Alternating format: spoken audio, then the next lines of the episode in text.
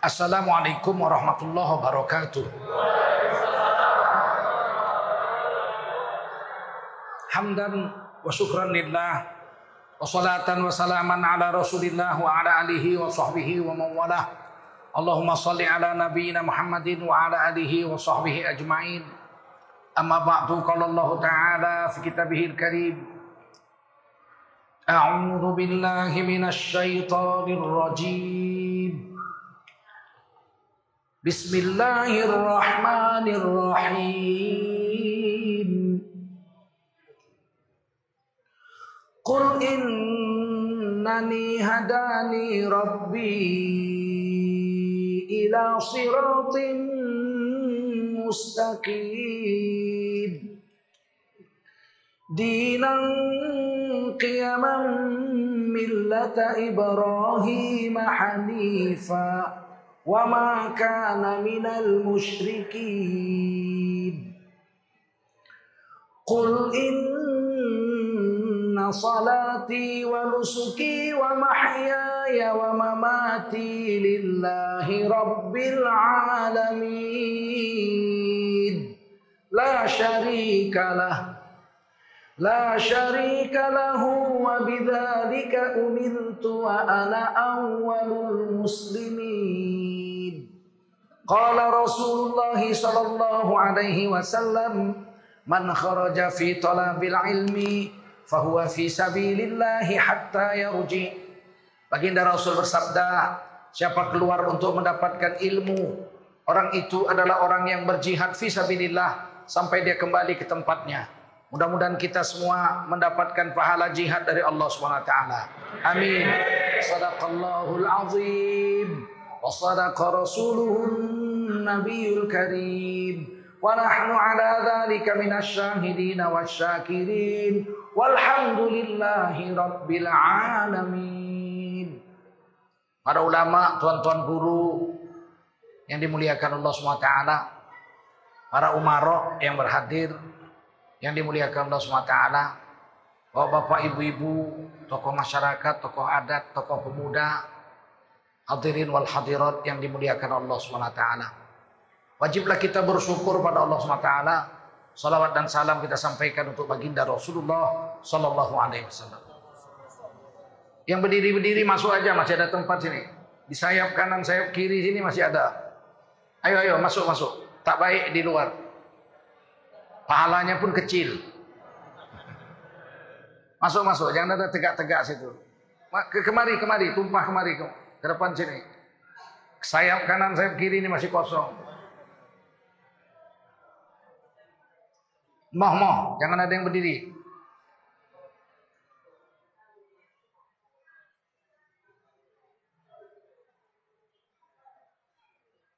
Bapak Ibu, anak-anakku sekalian yang dimuliakan Allah SWT. Islam ini sudah turun ke dunia, diturunkan Allah kepada Nabi Muhammad SAW. Meskipun semua nabi-nabi itu membawa agama Islam. Semuanya menyembah la ilaha Satu saja Tuhan sembahan, nggak ada yang lain. Dari Nabi Adam sampai Nabi Muhammad. Tapi ajaran Islam yang diturunkan Allah kepada baginda Rasulullah Muhammad SAW itu sudah 1422 tahun tambah 13 tahun. 1400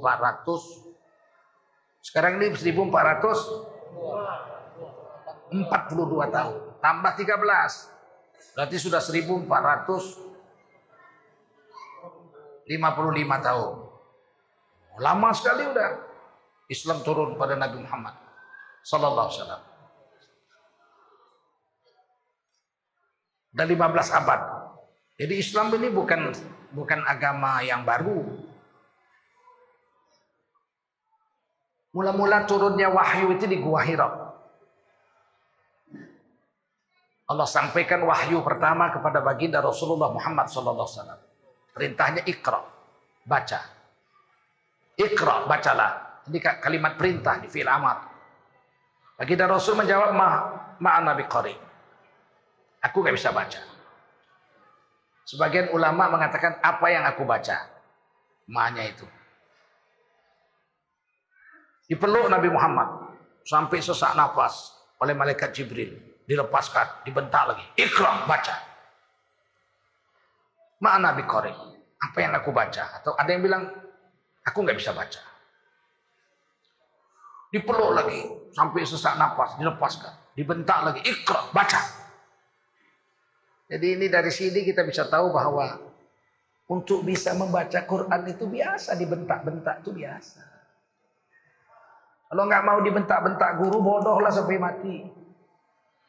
Sekarang ini asal guru bentak murid, bapaknya keberatan, adukan ke polisi. Ada. Kami dulu disabet pakai rotan. Jangan coba-coba ngadu sama bapak. Ditambahi lagi di rumah, disabet lagi. Dulu, hmm, tangan. Pukul pakai rotan. Ngadulah sama bapak. Tadi dipukul guru. Kalau nggak ditambahi lagi sama bapak, kita di rotan lagi. Maka kita jadi pintar. Nabi Muhammad aja dibentak-bentak kok. Ikra. Barulah dipeluk lagi, baru dilepaskan, baru ikra. Bismi rabbikal ladzi khalaq. Bacalah dengan menyebut nama Tuhanmu. Jadi membaca itu dalam Islam disuruh membaca dimulai dengan bismillah. Bismi rabbik dengan menyebut nama Tuhan. Padahal ayat bismillahirrahmanirrahim belum turun. Tapi perintah membaca bismillah itu ayat pertama turun. Ayat bismillahirrahmanirrahim turunnya itu di surah An-Naml. Surahnya Nabi Sulaiman kepada Ratu Balkis. Makanya bismillah itu di Quran ada 114. Padahal di surah At-Taubah nggak ada bismillah. Al-Fatihah ada bismillahirrahmanirrahim satu ayat pertama. Alhamdulillahirabbil alamin ayat kedua. Tapi alif lam mim bismillahirrahmanirrahim tidak nggak ada nggak ada ayat nol. Alif lam mim baru satu ayat. Beda dengan Fatihah. Kalau Fatihah bismillah itu ayat. Nanti lihatlah di Quran. Fatihah bismillahirrahmanirrahim ayat satu. Alhamdulillahirabbil alamin ayat dua. Tapi kalau Al-Baqarah bismillahirrahmanirrahim tidak ayat. Alif Lam Mim baru ayat 1. Zalikal kitabul la raiba fihi hudal lil muttaqin ayat 2. Harusnya Quran itu bismillahnya cuma 113. Karena At-Taubah nggak ada bismillahnya. Tapi dibalas di surah An-Naml. Ada satu bismillahirrahmanirrahim surahnya Nabi Sulaiman kepada Ratu Balkis. Tetap aja jumlah bismillah itu ada 114.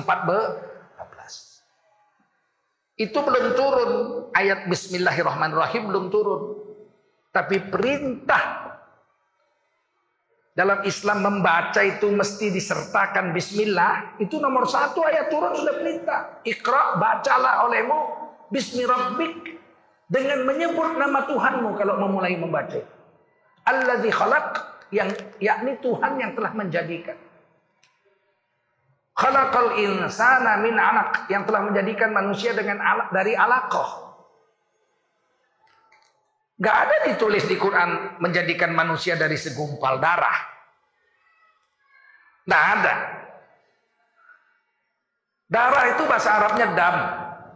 Apa?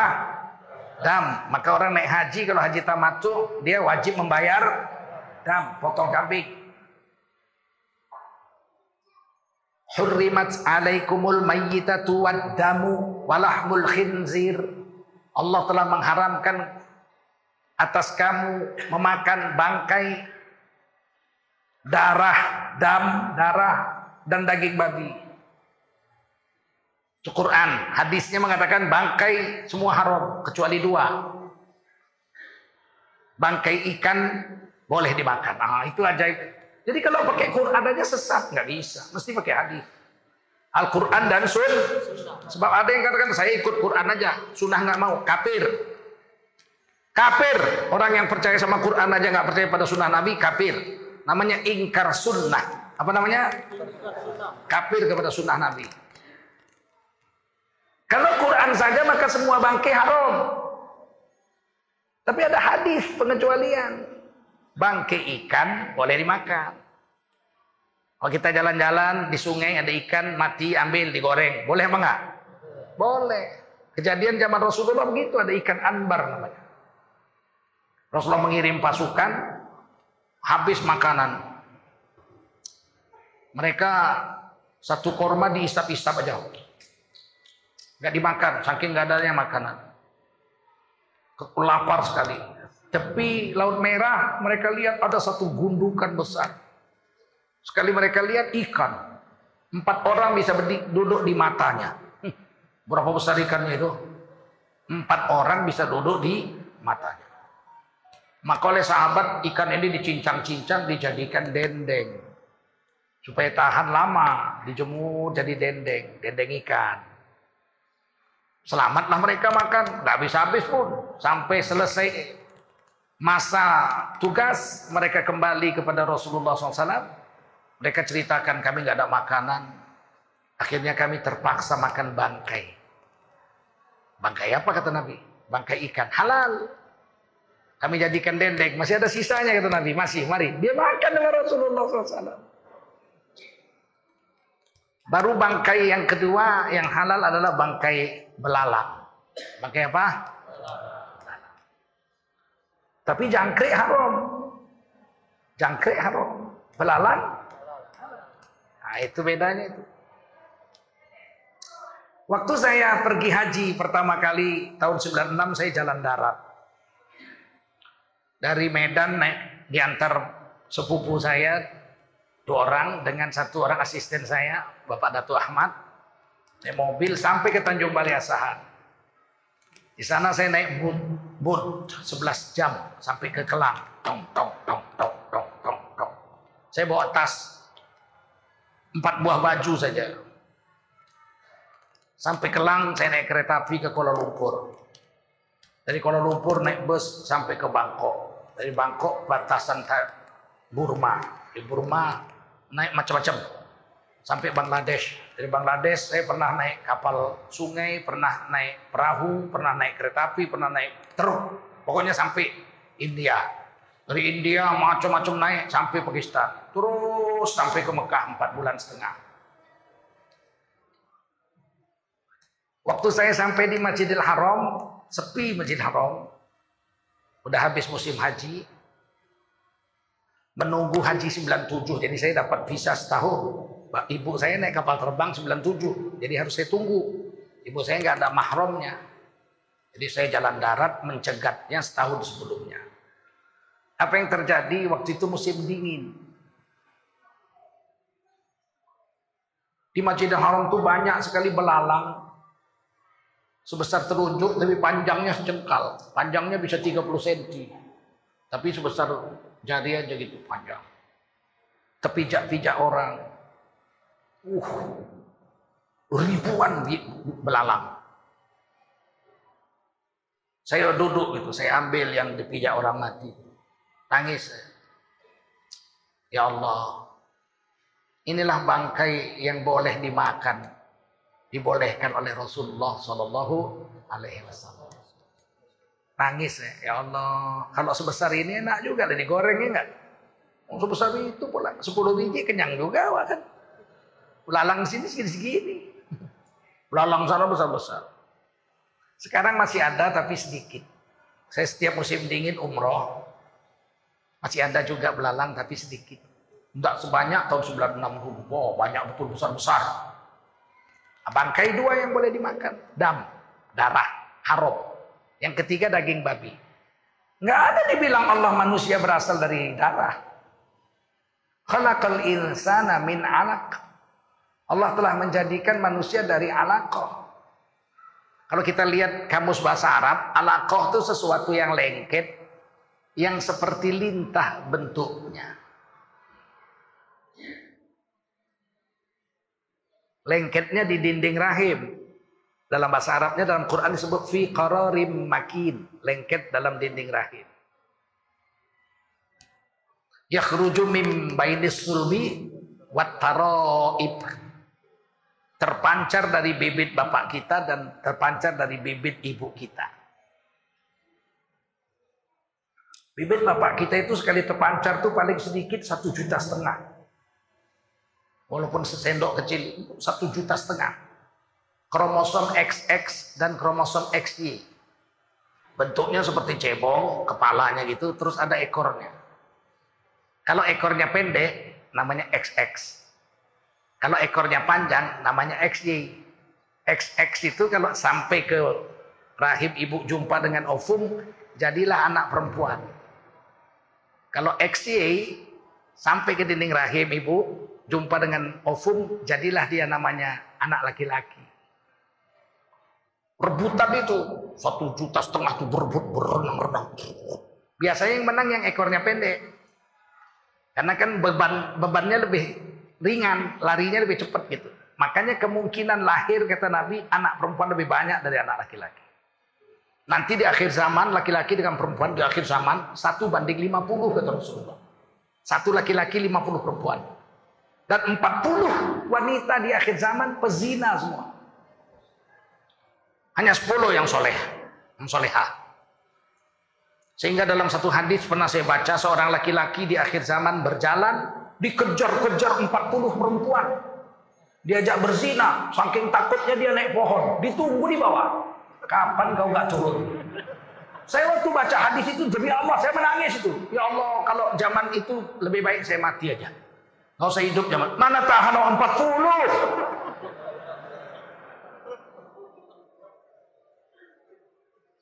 Sekarang belum.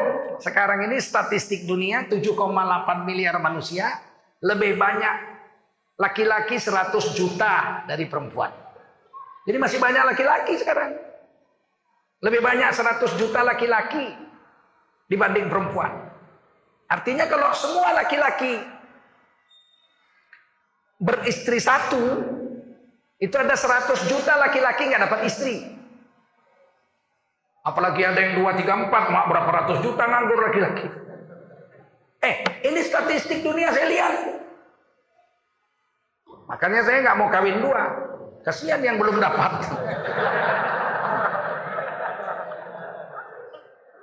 Tapi nanti di akhir zaman, satu laki-laki, 50 perempuan. Dan di dalam neraka, kata Nabi, satu laki-laki masuk neraka, 50 perempuan masuk neraka.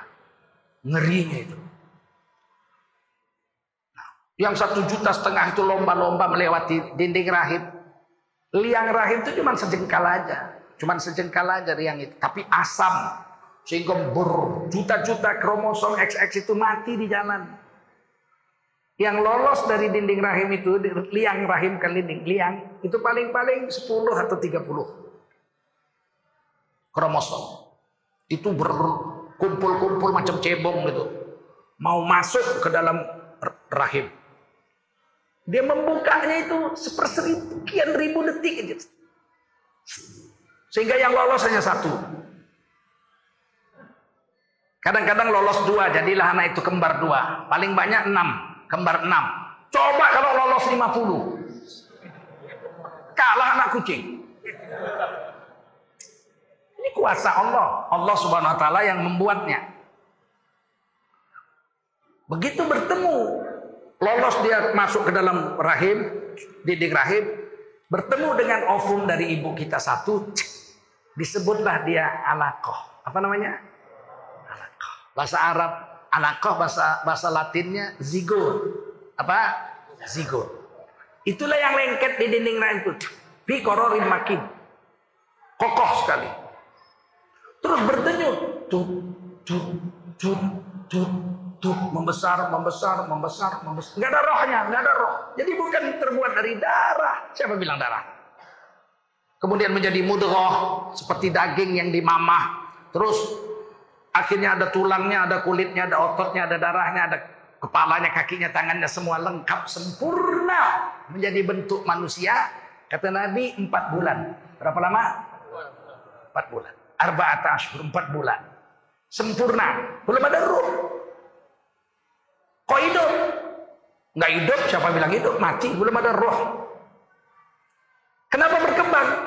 Allah menyempurnakannya. Siapa? Nah, itu ditulis di Quran surah Sajadah. Summa sawahu. Kemudian Allah menyempurnakannya. Belum hidup, roh belum ditiup. Setelah empat bulan sempurna ada kepala, ada tangan, ada kaki, ditiupkanlah roh ke dalam jasad yang sempurna itu. Min ruhihi daripada langit. Allah bawa malaikat membawa dalam sebuah bejana terbuat daripada nur. Di situ roh kita dimasukkan, dibawa sampai ke dalam perut ibu, ditiup langsung oleh Allah. Masuklah ke dalam jasad yang empat bulan yang sudah sempurna itu. Begitu ditiup, hidup. Fa'ahyakum dalam surah Al-Baqarah. Kami hidupkan kamu. Ingat ini ayat sajadah ini. Domirnya, objeknya itu dia. Summa sawahu. Kemudian Allah sempurnakan bentuk jasadnya. Di dalam rahim ibunya. Orang ketiga. Wa ruhihi. Kemudian kami tiupkan roh ke dalam jasadnya itu. Maka hiduplah dia. Begitu hidup apa kata Allah? Wa ja'ala lakum as-sam'a wal absar wal afidah dan kami jadikan kamu setelah ditiup ruh bisa mendengar, bisa melihat, bisa merasa di dalam rahim ibumu. Qalilam ma tashkurun. Tapi sedikit di antara kamu yang pandai bersyukur. Kok berubah domirnya ini? Ah. Kenapa berubah objeknya? Dari dia menjadi kamu. Kemudian kami sempurnakan bentuk tubuhnya di dalam rahim ibunya. Wa fihi min ruhihi dan kemudian kami tiupkan roh dari sisi dari sisi Allah kepadanya. Begitu dia hidup wa lakum kemudian kami jadikan kamu. Oh, kok jadi kamu? Tadi dia. Kamu bisa mendengar, bisa merasa, bisa melihat dalam perut ibu. Kok kamu sih? Tadinya kan nyanya kok kamu. Nah, dalam istilah bahasa Arab disebut iltifat. Apa namanya? Sebut biar jangan lupa. Iltifat. Perubahan objek dalam satu kalimat yang sama. Nyanyanya jadi kamu. Kata di tafsir, kenapa Allah pakai nyanyanya? Karena belum ada ruh, belum hidup. Begitu dicium ruh dia hidup, Allah katakan kami jadikan kamu bisa mendengar, bisa melihat, bisa merasa di dalam rahim ibumu. Sedikit di antara kamu yang pandai bersyukur. Berarti Islam 1450 tahun yang lalu sudah menceritakan bahwa roh manusia itu setelah ditiupkan ruh ke dalam tubuhnya dalam rahim ibu, dia udah bisa melihat di dalam rahim ibu. Udah bisa mendengar dalam rahim ibu. Udah bisa merasakan perasaan ibunya dalam rahim ibu. Sekarang, wah itulah hebatnya. 1455 tahun kemudian. Sudah dapat kamera bisa dimasukkan ke perut ibu. Baru kira-kira berapa bulan yang lalu. Saya dikirimi orang dari Amerika. Film rekaman bayi dalam perut ibunya anaknya kembar. Kembar dua. Bertumbuk di perut. Ma macam Mike Tyson. Kembar dua berantem di perut. Di perut udah berantem dia apalagi udah lahir juga.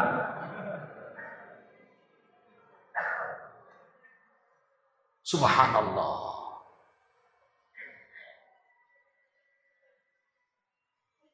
Makanya di dalam Quran dikatakan hidup ini nggak sekali. Ini kesalahan besar kita orang Islam. Alah, hidup sekali aja kok. Eh, siapa bilang hidup sekali? Mati sekali aja kok. Siapa bilang mati sekali? Nggak ada. Quran bilang hidup sekali, mati sekali. Quran mengatakan dua kali hidup, dua kali mati. Berapa kali hidup? Berapa kali mati? begitu. Lihat surah Al-Baqarah. Kaifa takfuruna billahi wa kuntum amwata. Kenapakah kamu mengkafiri Allah padahal kamu sebelumnya dalam keadaan mati. Waktu bentuk zigot masih mati. Udah sempurna pun badan itu empat bulan belum hidup masih mati. Fa'ahyakum serentak dengan ditiupkan roh kami hidupkan kamu Dari mana ceritanya serentak dengan ditiupkan roh? Dari fa-nya itu. Atau fa dalam bahasa Arab artinya kemudian. Summa dalam bahasa Arab summa juga artinya kemudian. Itulah miskinnya bahasa Indonesia itu. Fa kemudian, summa kemudian. Tapi dalam bahasa Arab beda jauh artinya. Kalau fa itu kemudian tanpa pakai waktu. Kalaupun pakai waktu pendek sekali nggak sampai sedetik. Nah, contohnya, contoh fa yang nggak pakai waktu itu, surah Yasin. Innama amruhu idza arada syai'an ayyakula lahu kun fa yakun. Sesungguhnya Allah kalau ingin menjadikan sesuatu Allah cukup memerintahkan jadi maka serentak dengan perintah Allah jadi jadi jadi nggak nunggu nunggu kalau Allah bilang jadi terus nunggu berapa detik? Ah itu simsalabim namanya. Kalau Allah perintah jadi serentak dengan perintah Allah jadi maka kun fayakun Allah pakai fa. Kalau dia pakai waktu, Allah pakai summa. Summa stawa ila sama Kemudian Allah memerintah kepada langit. Ketika itu langit masih berbentuk asap. Lama, miliaran tahun. Seluruh alam jagat raya ini berbentuk gas. Kemudian diperintah Allah berputar, berputar, berputar, berputar. Entah berapa miliar tahun menjadi satu benda yang sangat besar sekali. Nggak tahu ukurannya kecuali Allah yang tahu. Kemudian Allah ledakkan. Benda besar itu Allah ledakkan.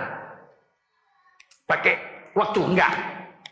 Sekali satu detik itu langsung meledak. Jadilah bintang-bintang bulan-bulan planet-planet ini semua. Itu pun ditulis juga dalam Quran surah Al-Anbiya ayat 30. Awalam awalam yarul ladzina kafaru anna samawati wal ardu kana taradqa. Belumkah orang kafir tahu dulunya itu langit dan bumi kana taradqa Langit dan bumi keduanya dulu adalah bersatu. Fafataknahuma. Kemudian kami ledakkan. Berpisahlah langit dengan bumi itu. Kira-kira 35 tahun yang lalu ada satu orang ahli antariksa yang lumpuh. Orang Yahudi namanya Stephen Hawking.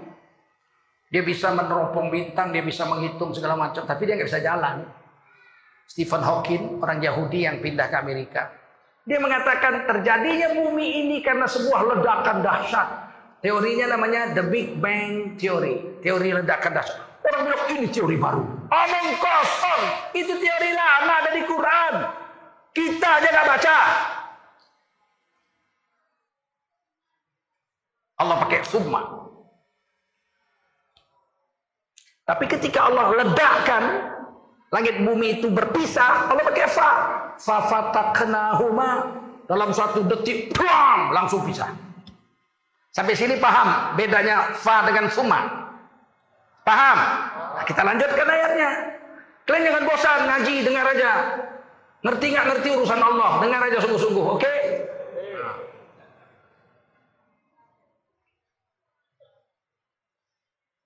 Kaifa takfuruna billahi wa kuntum amwata? Kenapakah kamu mengkafiri Allah padahal sebelumnya kamu dalam keadaan mati?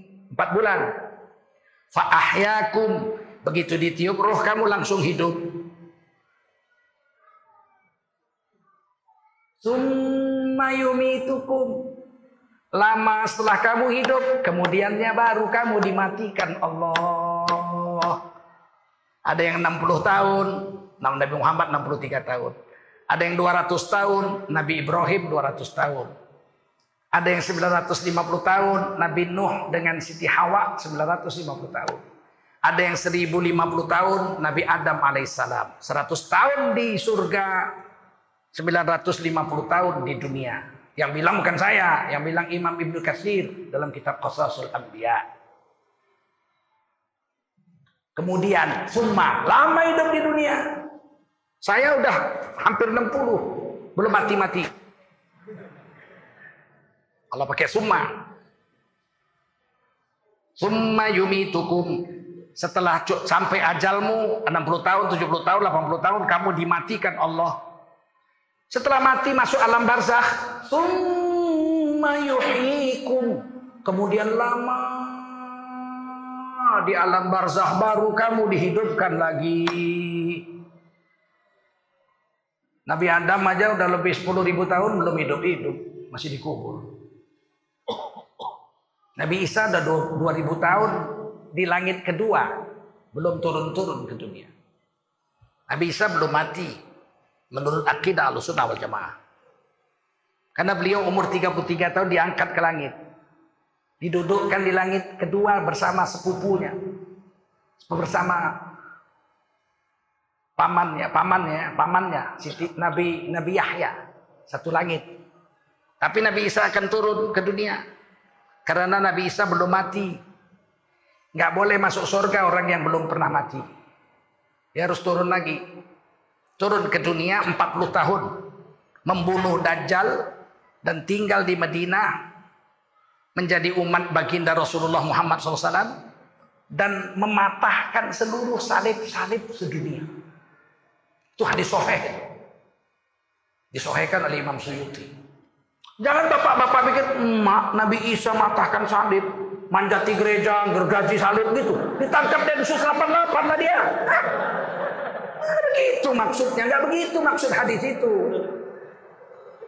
Nabi Isa itu mengislamkan semua orang Kristen sedunia ketika dia turun ke dunia setelah membunuh Dajjal, beliau mengislamkan seluruh orang Kristen sedunia. dan membagi harta sehingga nggak ada lagi orang mau harta. 50 km, 50 mil, bukan 50 kilo, 90 km hampir. Orang memikul hartanya, ketuk rumah orang, bayar zakat, nggak ada yang mau terima. Semua orang kaya waktu itu. Jadi pengentasan kemiskinan itu programnya Allah. Di zaman Nabi Isa turun kali kedua. Paham? Ya Allah ya Basir Ya Sami'u ya Alim Ya Hayyu ya Qayyum Birahmatika ast